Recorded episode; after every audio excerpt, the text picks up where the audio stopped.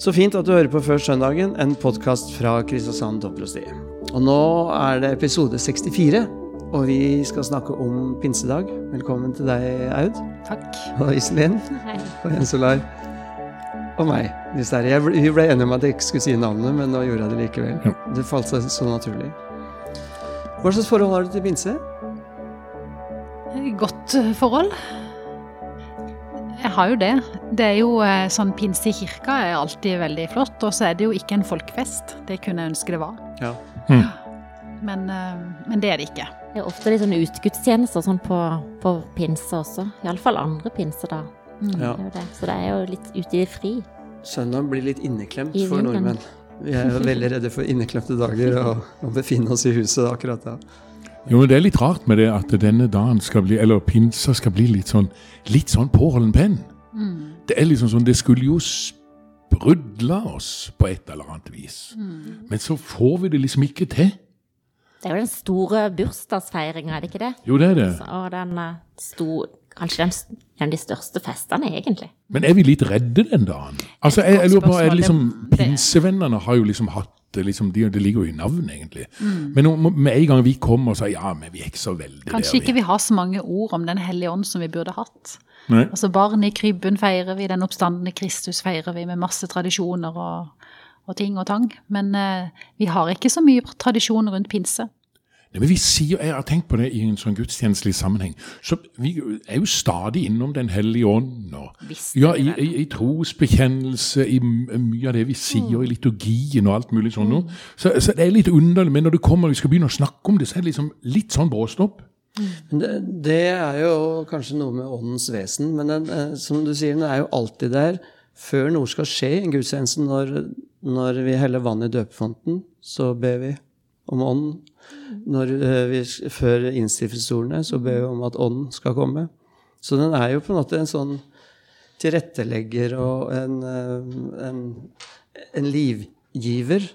Men som har veldig mange Vi har ikke mange ord, kanskje, men den har jo veldig mange metaforer. ikke sant? Due og ild og vann og kraft Luft. og luft. Og det er kanskje nettopp fordi at den er Hun er litt uh, lite konkret i forhold til eh, Jesus som var et menneske. og Det handler nok om det. At det er en lite konkret størrelse. Men ikke desto mindre Eller hva betyr det uttrykket? Eh, Men veldig viktig likevel.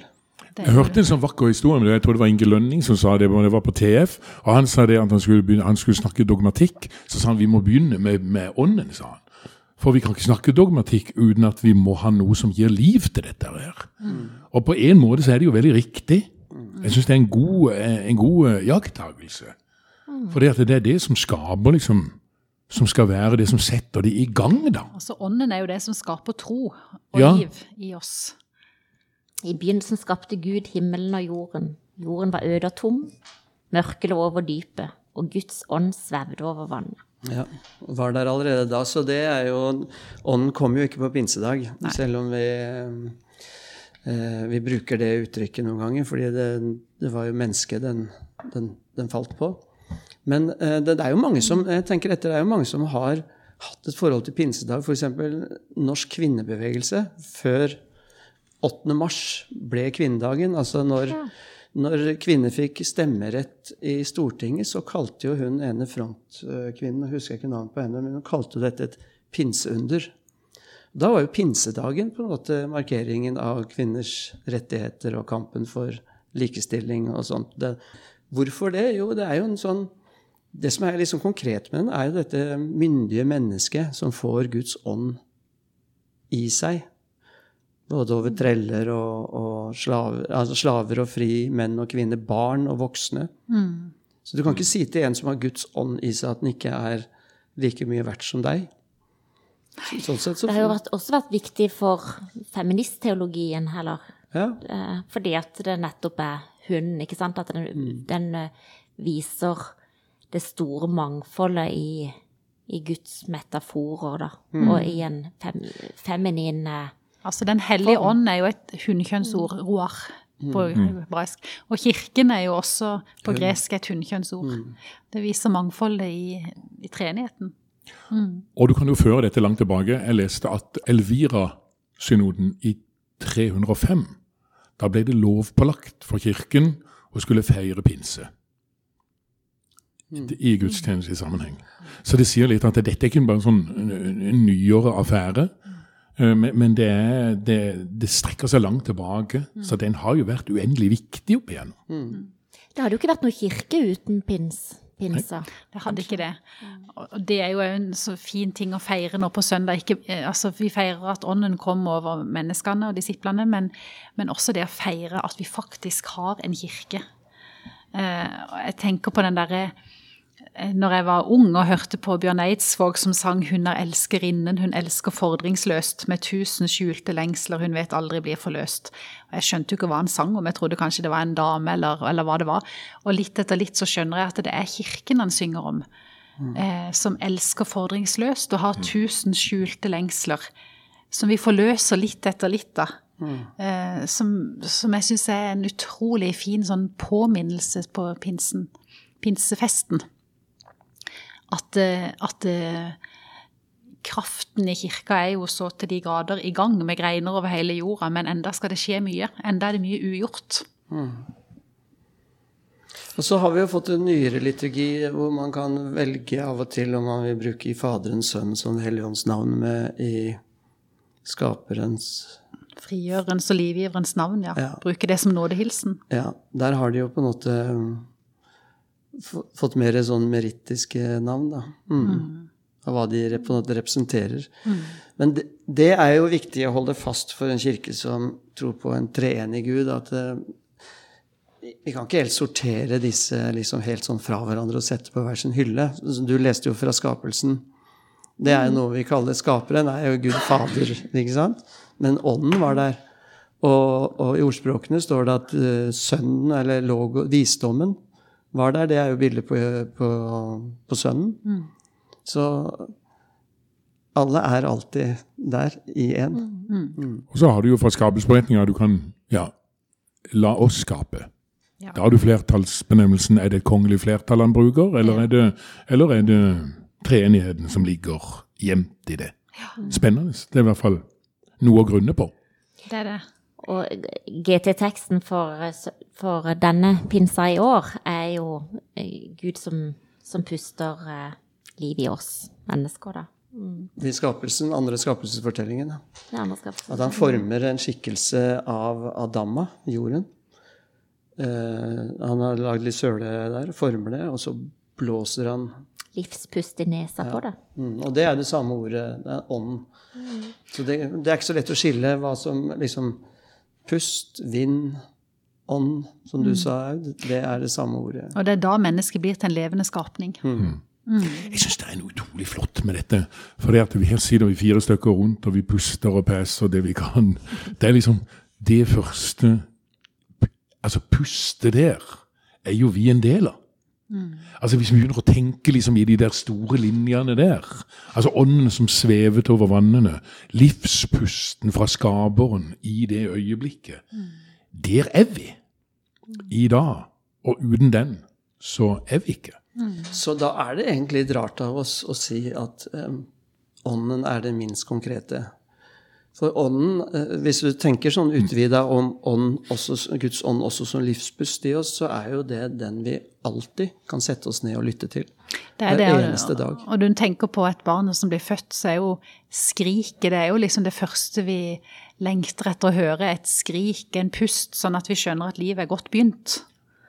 Men der, der tror jeg det ligger en liten appell og en reminder for oss mennesker i dag. Det er at eh, hvis vi har lyst til å, å få noen erfaringer med ånden og Gud og dette åndelige, så må vi aller først begynne å lytte til hva er det som foregår i oss, altså pusten i oss. Tror jeg er jeg vet det er en del som bruker det til sånne ulike typer meditasjonsteknikker, men den er så eksistensiell viktig å være klar over. For det er jo en aktivitet vi ikke tenker på at vi gjør. Så, så litt sånn barnslig så kan man sette seg ned og holde pusten så lenge man orker. Og så kjenne at det gjør litt vondt. Og erfare faktisk at livet vil meg. Det lar meg ikke stoppe å puste. Og, og så er det jo veldig interessant hvis du er litt stressa, så puster du høyere. altså Ja. det, er veldig, det er veldig nært til din egen ø, Hva skal du si? Der du er i følelsesmessig i ø, virkelighet i livet ja. ditt. Ja, din egen syke. Så det er klart at det pusten har veldig mye Og, og det er jo ikke for ingenting at ø, det, var, det var jo en svensk, jeg kom ikke på det, men han ga jo det bønneboka. Pusten er jo vår kontinuerlige bønn. Ja. Og det er noen sånne veldig sånn Jeg liker litt de der tankene der. Tenk bare det også. Eh, jeg, har drevet og sunget en del, og viktig pusten er. For liksom å få likevekt og få støtte og få liksom, Det var alt å si! Har du kontroll på pusten, så har du egentlig veldig mye Da, er, da har du veldig mye holdning i kroppen. Bortsett fra akkurat kontroll på pusten. Det har vi jo egentlig aldri. Men uh, har vi et har vi, uh, uh, em, Lar vi pusten få holde på, egentlig? Liksom, for det er jo ingen som kjenner oss bedre enn pusten. Og i det du sa nå, Jens så tenkte jeg hvis du bytter ut ordet ånd med pust For Paulus, han, eh, den som puster, ber alltid, sa du. Paulus sier 'be alltid i ånden' eh, i pusten. Altså Det er en holdning. Eh, Nå rører jeg litt, men skjønner du hva jeg mener? ja At absolutt. absolutt. det er mye mer konkret, det nærværet der, enn vi tenker over. Fordi vi ofte tenker på livet og åndeligheten som to etasjer. At der oppe i annen etasje holder Gud på og Den hellige ånd.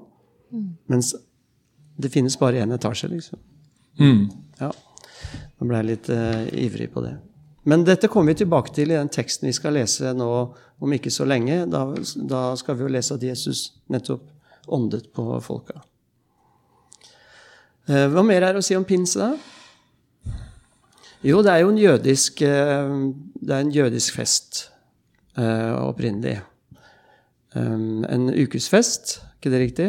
Det stemmer. som ble markert Som var opprinnelig, har jeg lest, en type sånn vårfest over livet. Men så ble den fort knytta til loven som ble gitt på Sinai 50 dager etter utferden av Egypt. Og vi feirer jo påske 50 dager, nei, pinse 50 dager etter oppstandelsen. Shavot, Ja. tror jeg det er da. Så der er det jo veldig sterke paralleller. Var det, var det det disiplene feira også når de var sammen, da? Bak stengte dører? Jo, jeg tror de mener det. At det var jo, For dette er i den tida at de kommer. Og dette var jo veldig viktig. De hadde jo tre høytider, jødene. Eh, så du kan si at da var det jo eh, avgjørende å komme til Jerusalem og feire det der. Eh, så, så det er klart at Og det er jo interessant, vi har just hatt påske, det var jo en jødisk høytid. Og så får vi denne da, Savot, som er, som er pinsen. Og så har du vel en annen også som heter jeg må se her, Sukkot, som er løvhyttefesten. Det var disse tre som de skulle feire. Så vi er jo i en av disse festdagene, da. Og derfor er det mye folk. Det er mye forskjellige mennesker i Jerusalem. Men dette forholdet til loven, da. eh, Vi har jo også 17. mai, og vi også feirer en lov i Norge. Den er jo er ikke akkurat en religiøs høytid, men eh, det er noe av det samme at man bejubler det at de fikk en lov. Eh, Det gjorde jo jødene. Fikk sin egen identitet. Ja. Dette slavefolket som endelig fikk en grunnlov. Mm. De ble en Frihet. nasjon, på en måte. Mm. Men hva er, det, hva er parallellen der til pinse? Den kristne pinse? Det er jo at, eh, at eh, ånden eh, Altså, ånden kommer jo og blir loven som bor i våre hjerter. Det er jo, for å si det litt sånn banalt, så er det jo det som skjer, at ånden eh, tar bolig i et menneske og blir en som eh, Altså, åndens virke er jo, er jo å eh, skape liv, skape trøst, skape håp og tro, men også minne oss på vår synd. Eh, eh, være en sånn samvittighetsmarkør. Så det er jo ånden som kommer og, og gjør oss til at vi får et kjøtthjerte, da. Så, ja, så henger det vel også sammen med altså, parallellen til, til 17. mai, altså dette med fellesskapet, da. At, at Den hellige ånd eh, er kommet for å for å skape gode fellesskap med et kjærlighetsspråk som vi alle forstår. Det er et Altså, viktig poeng. Forene oss som Guds ja, folk. på tvers av mangfoldet, da. Det er et veldig godt poeng. Og det er jo, du nevner jo bare det at det er jo kirkens fødselsdag, jeg vet ikke om vi nevnte det i stad, men, men det er jo dette fellesskapet som kirken egentlig er, da. Som trer fram her i dette. Det er jo For alle verdenshjørner. Men dette med loven i hjertet er jo også et jødisk motiv, for det profeterer Jeremia. At eh, jeg vil, eh, jeg vil skrive deres, eh, lov, min lov i deres hjerter. Mm. da, da er liksom En dag skulle steintavlene byttes ut da, med, med noe som er skrevet i oss. Det er en utrolig flott tanke. Eller eh, tro, rett og slett. At det finnes noe i oss, en ånd, som, eh, som har denne loven i seg. Mm. Og som alltid jobber med oss. Mm. Det betyr jo ikke at vi er der, det vil Nei. vi aldri bli, men, men den jobber i oss. Men det er jo litt fascinerende når du leser da disse pinsefortellingene, tenker jeg. Når du ser hva som skjer med en Peter, når han får denne ånden, da.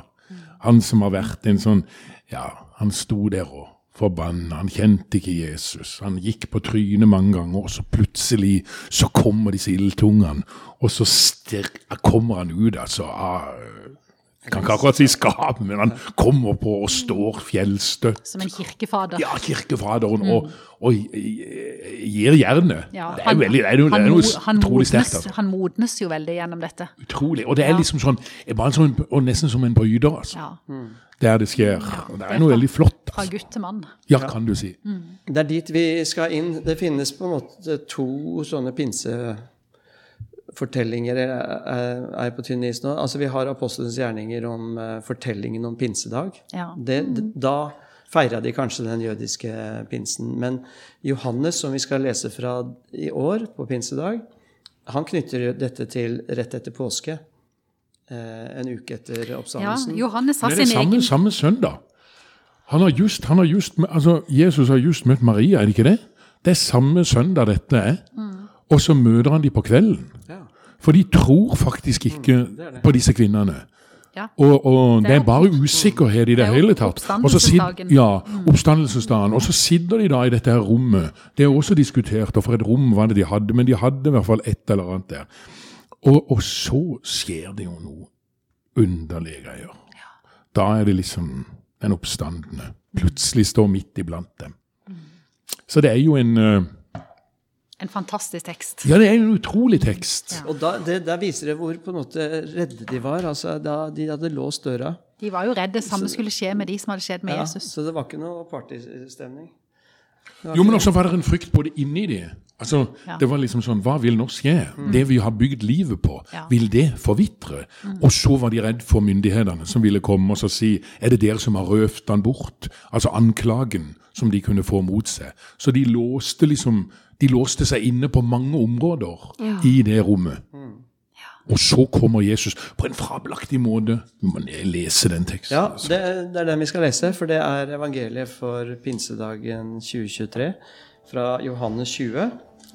Den leser du eh, Nå ser jeg boka blir sendt fra den ene til den andre, men du leser Iselin. Ja, det står skrevet i evangeliet etter Johannes. Det var om kvelden den første dagen i uken. Av frykt for jødene hadde disiplene stengt dørene der de var samlet. Da kom Jesus, han sto midt iblant dem og sa, Fred være med dere. Og da han hadde sagt det, viste han dem sine hender og sin side. Disiplene ble glade da de så Herren. Igjen sa Jesus til dem, Fred være med dere. Som Far har sendt meg, sender jeg dere. Så åndet han på dem og sa, Ta imot Den hellige ånd. Dersom dere tilgir noen syndene deres, da er de tilgitt. Og dersom dere fastholder syndene for, for noen, er de fastholdt. Slik lyder det hellige evangelium.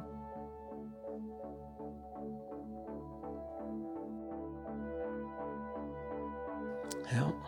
Jeg, jeg, jeg, jeg syns det er så fantastisk at, han, at det står at de dørene var låst og lukket, og at eh, den oppstandende eh, ikke må banke seg i hjel og overtale dem til å åpne opp, men at han kommer på eget initiativ. Gjennom døren.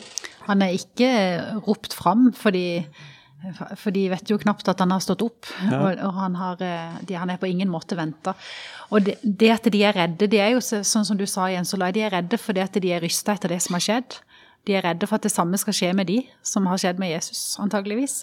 Men eh, de er jo også redde fordi at det er satt ut et rykte. Eh, overprestene har, eh, har eh, bedt flere om å sette ut et rykte om at det er disiplene som har tatt Jesu døde kropp. Og det står i Bibelen at dette, dette ryktet lever fremdeles i dag. Så det, det er mange grunner der til å låse dørene og være, og være redde. Og så kommer Jesus inn da i redselen de sin. Går gjennom stengte dører, og, og Johannes er jo eh, en som alltid skriver i dobbel betydning.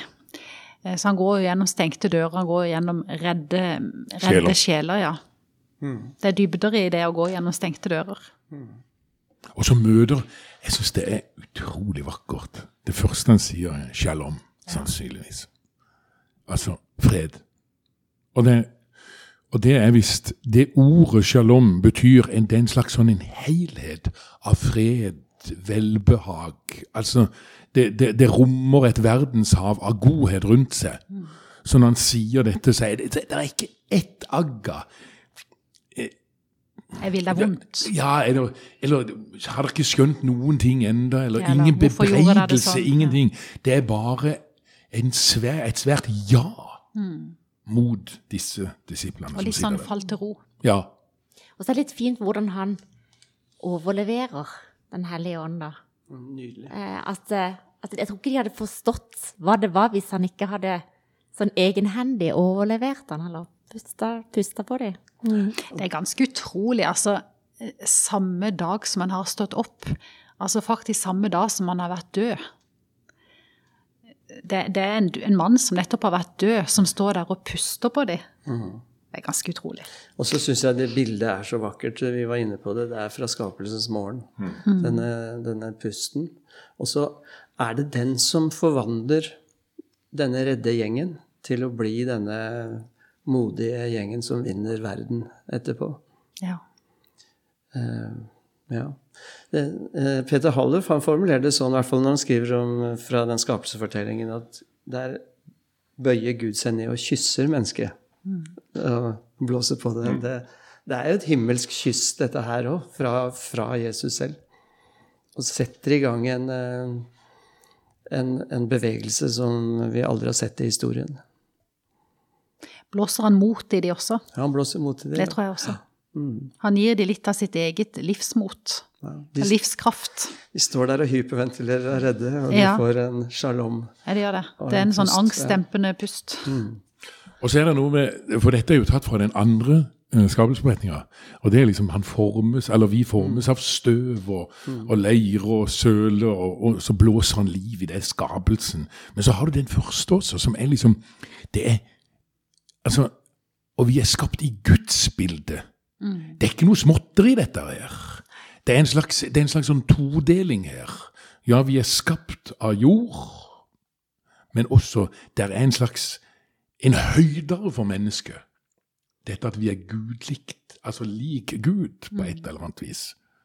Så det er en slags- ringere enn Gud. Ja, og det, det er noe sånn spenn her som er fabelaktig i å bruke disse to skapelsesberetningene, kan jeg av og til tenke. Men eh, det er jo Du kan jo følge menneskers pust som en egen fortelling. ikke? Du, vi har alle kjent på hvordan det strammer seg til, og pusten i oss får dårlig kår og sånt. Så eh, det er jo dette med snakk om synden. Det kan jo egentlig være et bilde på at, på at det livet vi er skapt med, ikke får på en måte mm, virke og leve, men at vi, vi, vi binder det. Eh, på, fordi vi blir På grunn av holdningen, på grunn av eh, mange ting. Men her, her begynner jo Jesus med på en måte Han minner jo mennesker på hva mennesket er. At vi er skapt av Gud med Guds livspust. Han begynner med inventar. Han blåser noe, blåser noe inn i mennesket. eh, som mennesket senere kan liksom få noen sånne aha-opplevelser og komme til seg selv. Det er det er det jeg er. Men det er ikke noe småtteri det han blåser inn heller, da. Nei. Det er livet, liksom. Ja. Det er liksom det. Men, en ting jeg har tenkt på med Hva er det Johannes vil når han knytter disse to hendelsene så tett til hverandre? Første påskedag og pusten. Som ikke Lukas gjør. Da går det sannsynligvis 50 dager. Men Johannes er rett på. Nei, det var det jeg litt famlende prøvde å si, for dette er på en måte gjenopprettelsen av mennesket. Det, men, det første mennesket står opp fra det døde, opp fra graven. Og så skaper han en ny Han skaper mennesket på nytt. Derfor så tenker jeg at det, det er så nært kobla sammen oppstandelsen og Helligåndsmeddelelsen at den er, det er som en ny skapelse. Mm. Han har stått opp, og han blåser nytt liv i disiplene. Og han gir dem et oppdrag om å være kirke, da. Jo, men det, på en måte så er jo dette egentlig litt uh, sterk tanke. For det at her er det to, Vi har fire forskjellige evangelier som forteller fire, fire forskjell, på fire forskjellige slags måter. da. Mm. Og, så, og, så, får vi dette, og så får vi at Jo, nei, det samsvarer ikke.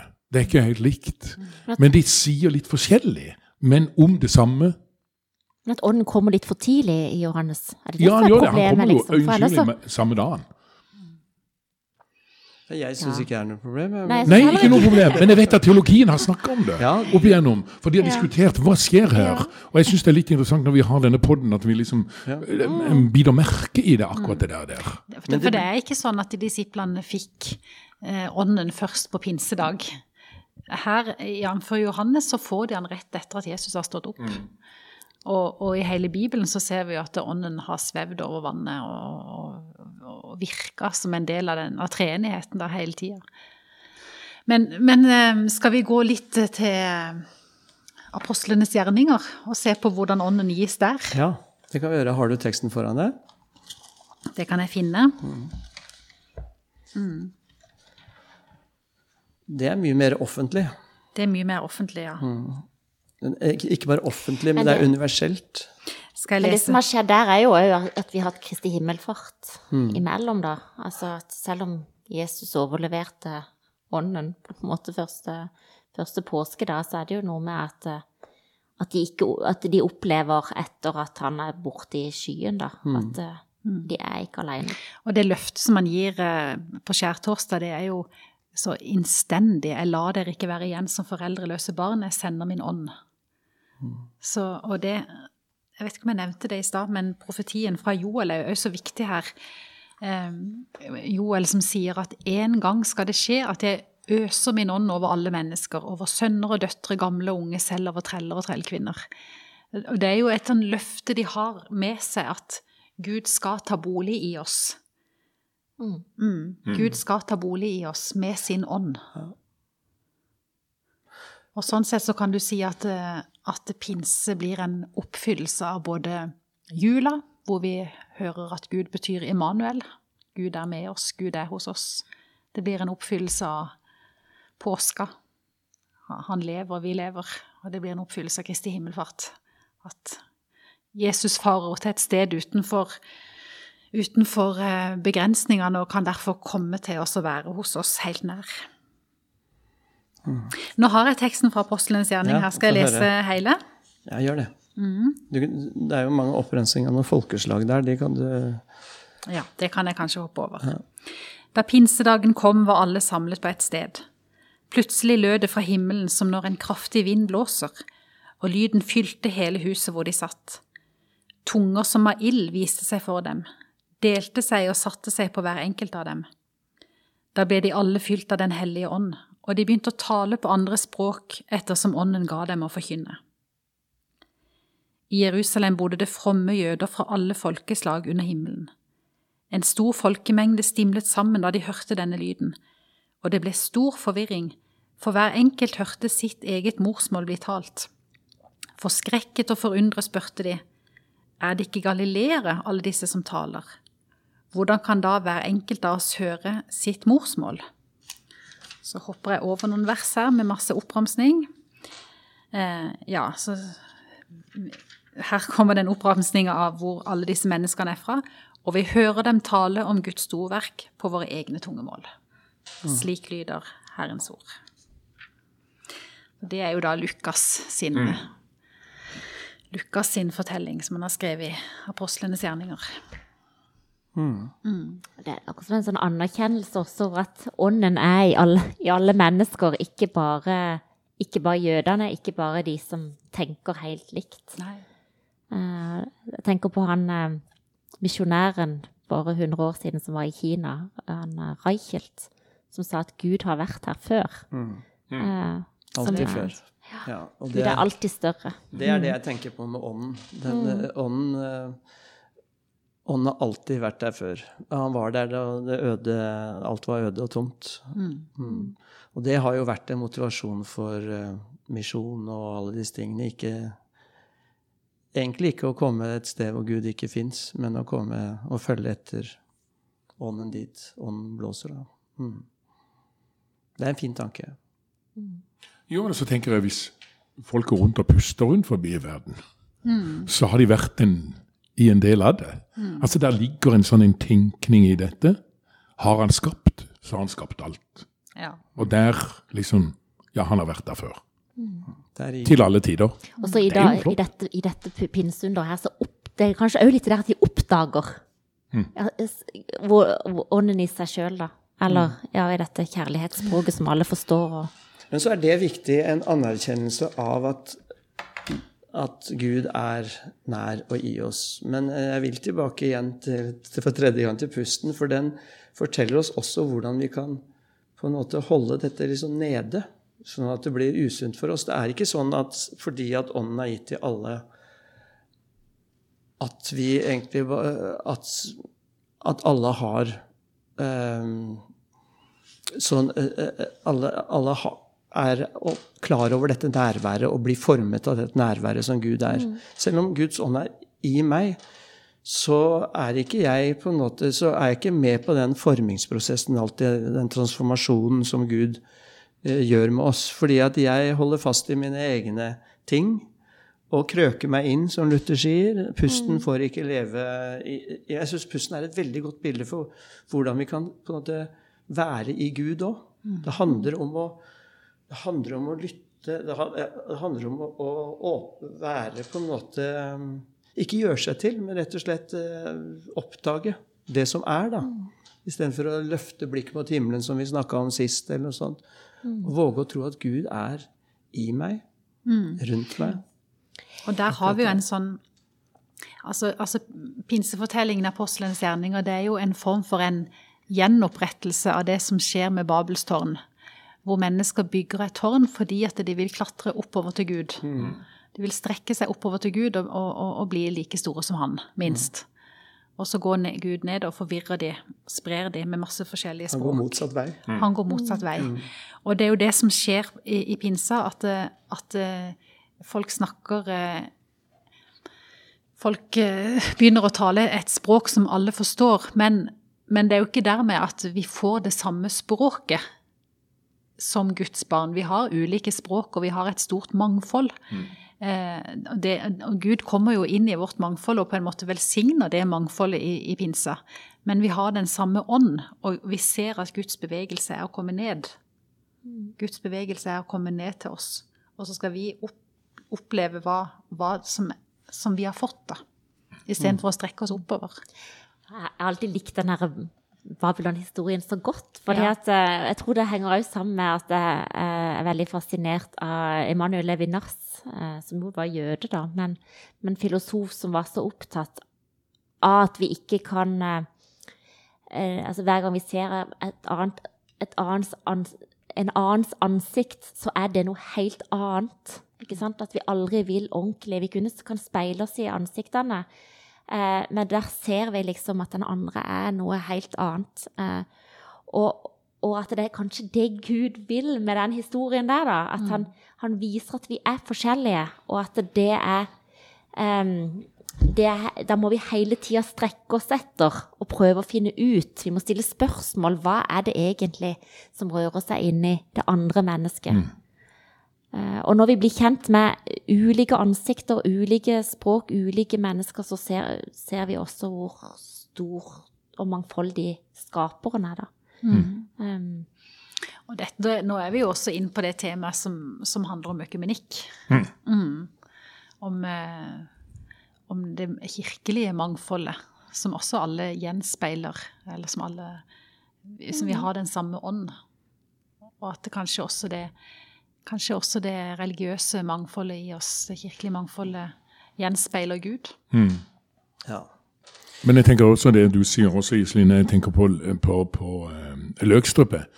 Når du nevner Levinas, i møte med det andre mennesket bærer vi noe av det andre menneskets liv i våre hender. Der har du også noe som dette å møte ansikt til ansikt. Men jeg sitter og tenker på dette pinseunderet. Altså, der sitter det ti-tolv fiskere og enkle mennesker og får dette. Guds menighet er jordens største under. Det er jo helt utrolig hva dette har ført til. ja. Når vi tenker etter. For de altså 2000 år siden så satt den der skarve gjengen der nede. Hadde ikke vært for de, så hadde vi ikke sittet her i vår Nei, kirke. nei, det er noe med det. Og det er liksom, det er, det er en slags sånn det er noe sånn, Og da syns jeg det blir noe utrolig flott å ta inn kirkedimensjonen i pinser. Dette, det er jo et vanvittig under. At vi sitter her i dag og kan være en del av det. Og ånden, pusten, livet, pinsestemninga er der. Og at kirken er både støv og søle og leire og formet, og hun, ånden, som er, er Gud. Eh, Den miksen der er viktig å ikke glemme, altså, for man kan gå rundt i kirker og gudstjenester og tenke "Eh, så stusslige vi har blitt. ikke sant? Men jeg elsker den kirka likevel. Altså, for den har med seg både det støvet og det himmelske på en helt merkelig måte. Så Sigvard Dagsland han, han synger hun, hun er litt rar, synger han. det der 'Du har gitt oss kjerka, Gud'. Og det er helt enig. Men du vet Sigvart Dagsland, ja, hun ja, virker sliten, hun er litt rar. Men om hun svikter, så er jo alt vi har. Nettopp. Ja. Så det er en nydelig sang. Ja. Men, men kirka har jo også disse pulslagene, som er veldig flott. Altså, vi har de je- jevnlige gudstjenestene over hele verden, altså. Så, så har vi Og nå har vi ikke hele verden dessverre alltid på gudstjeneste, men vi, vi gjør det samtidig med mennesker over hele kloden. Men på søndag så skal jeg døpe to barn, bl.a. en jente fra, fra Ukraina som er flyktning.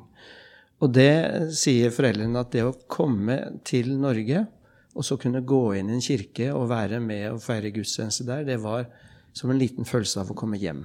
Og det syns jeg er helt nydelig med kirken. Den finnes nesten overalt. Og selv om man ikke forstår språket, man hører Kyrie, Eleison, Gloria, de tinga der, så er man Selv en flyktning er litt hjemme et øyeblikk når man er der. Det syns jeg er vakkert. Det sa faren. Nei, men Det syns jeg er veldig vakkert. Jeg var just i Italia eh, på søndag og så var jeg på en, en dåpsgudstjeneste. Jeg gikk inn i en sånn lokal kirke. og Det var utrolig flott å være der. Egentlig så skjønner jeg ingenting, de snakker så fort, at er, men, men du skjønner i grunnen alt. Og det er flott, og det var den, denne lille Philip, denne lille gutten som skulle døpes. Og det er en, eh, ja, ja, en annen kirke, katolsk kirke, so what. Men det er noe flott å kunne se. Du er aldri fremmed i disse rommene på et vis. Du kommer inn til noe som er nært, kjent og flott. Og det er noe sånn, og en må bare forundre seg over. Og det er liksom, jeg vet ikke, Ludvig i Flåklypa sa en gang, han kom ut en kveldsstund og så hele stjernehavet opp i himmelen, så sier han, han blir så betatt, så sier han, å Gud velsigne vår Herre. Men jeg synes det egentlig, det er et nydelig, altså han finner egentlig ikke ord som Ja. dekker, eller som, det henger ikke på greip noen ting. Men av og til så må en av og til tenke sånn om kirka. Sant? Hun er litt rar. Det er gode sluttord. eh, Dere flagger på Altså privat flagger på Setter på balkongflagget på pinsedag, gjør dere ikke? Ja, ja, ja. Ja, ja. Så det er en gratulerer med dagen eh, til Kirken-dag, og en veldig, veldig håpefull dag. Kan du lyse eh, velsignelsen, Smimo? Herren velsigne deg og bevare deg. Herren la sitt ansikt lyse over deg og være deg nådig. Herren løfte sitt åsyn på deg og gi deg fred. Amen.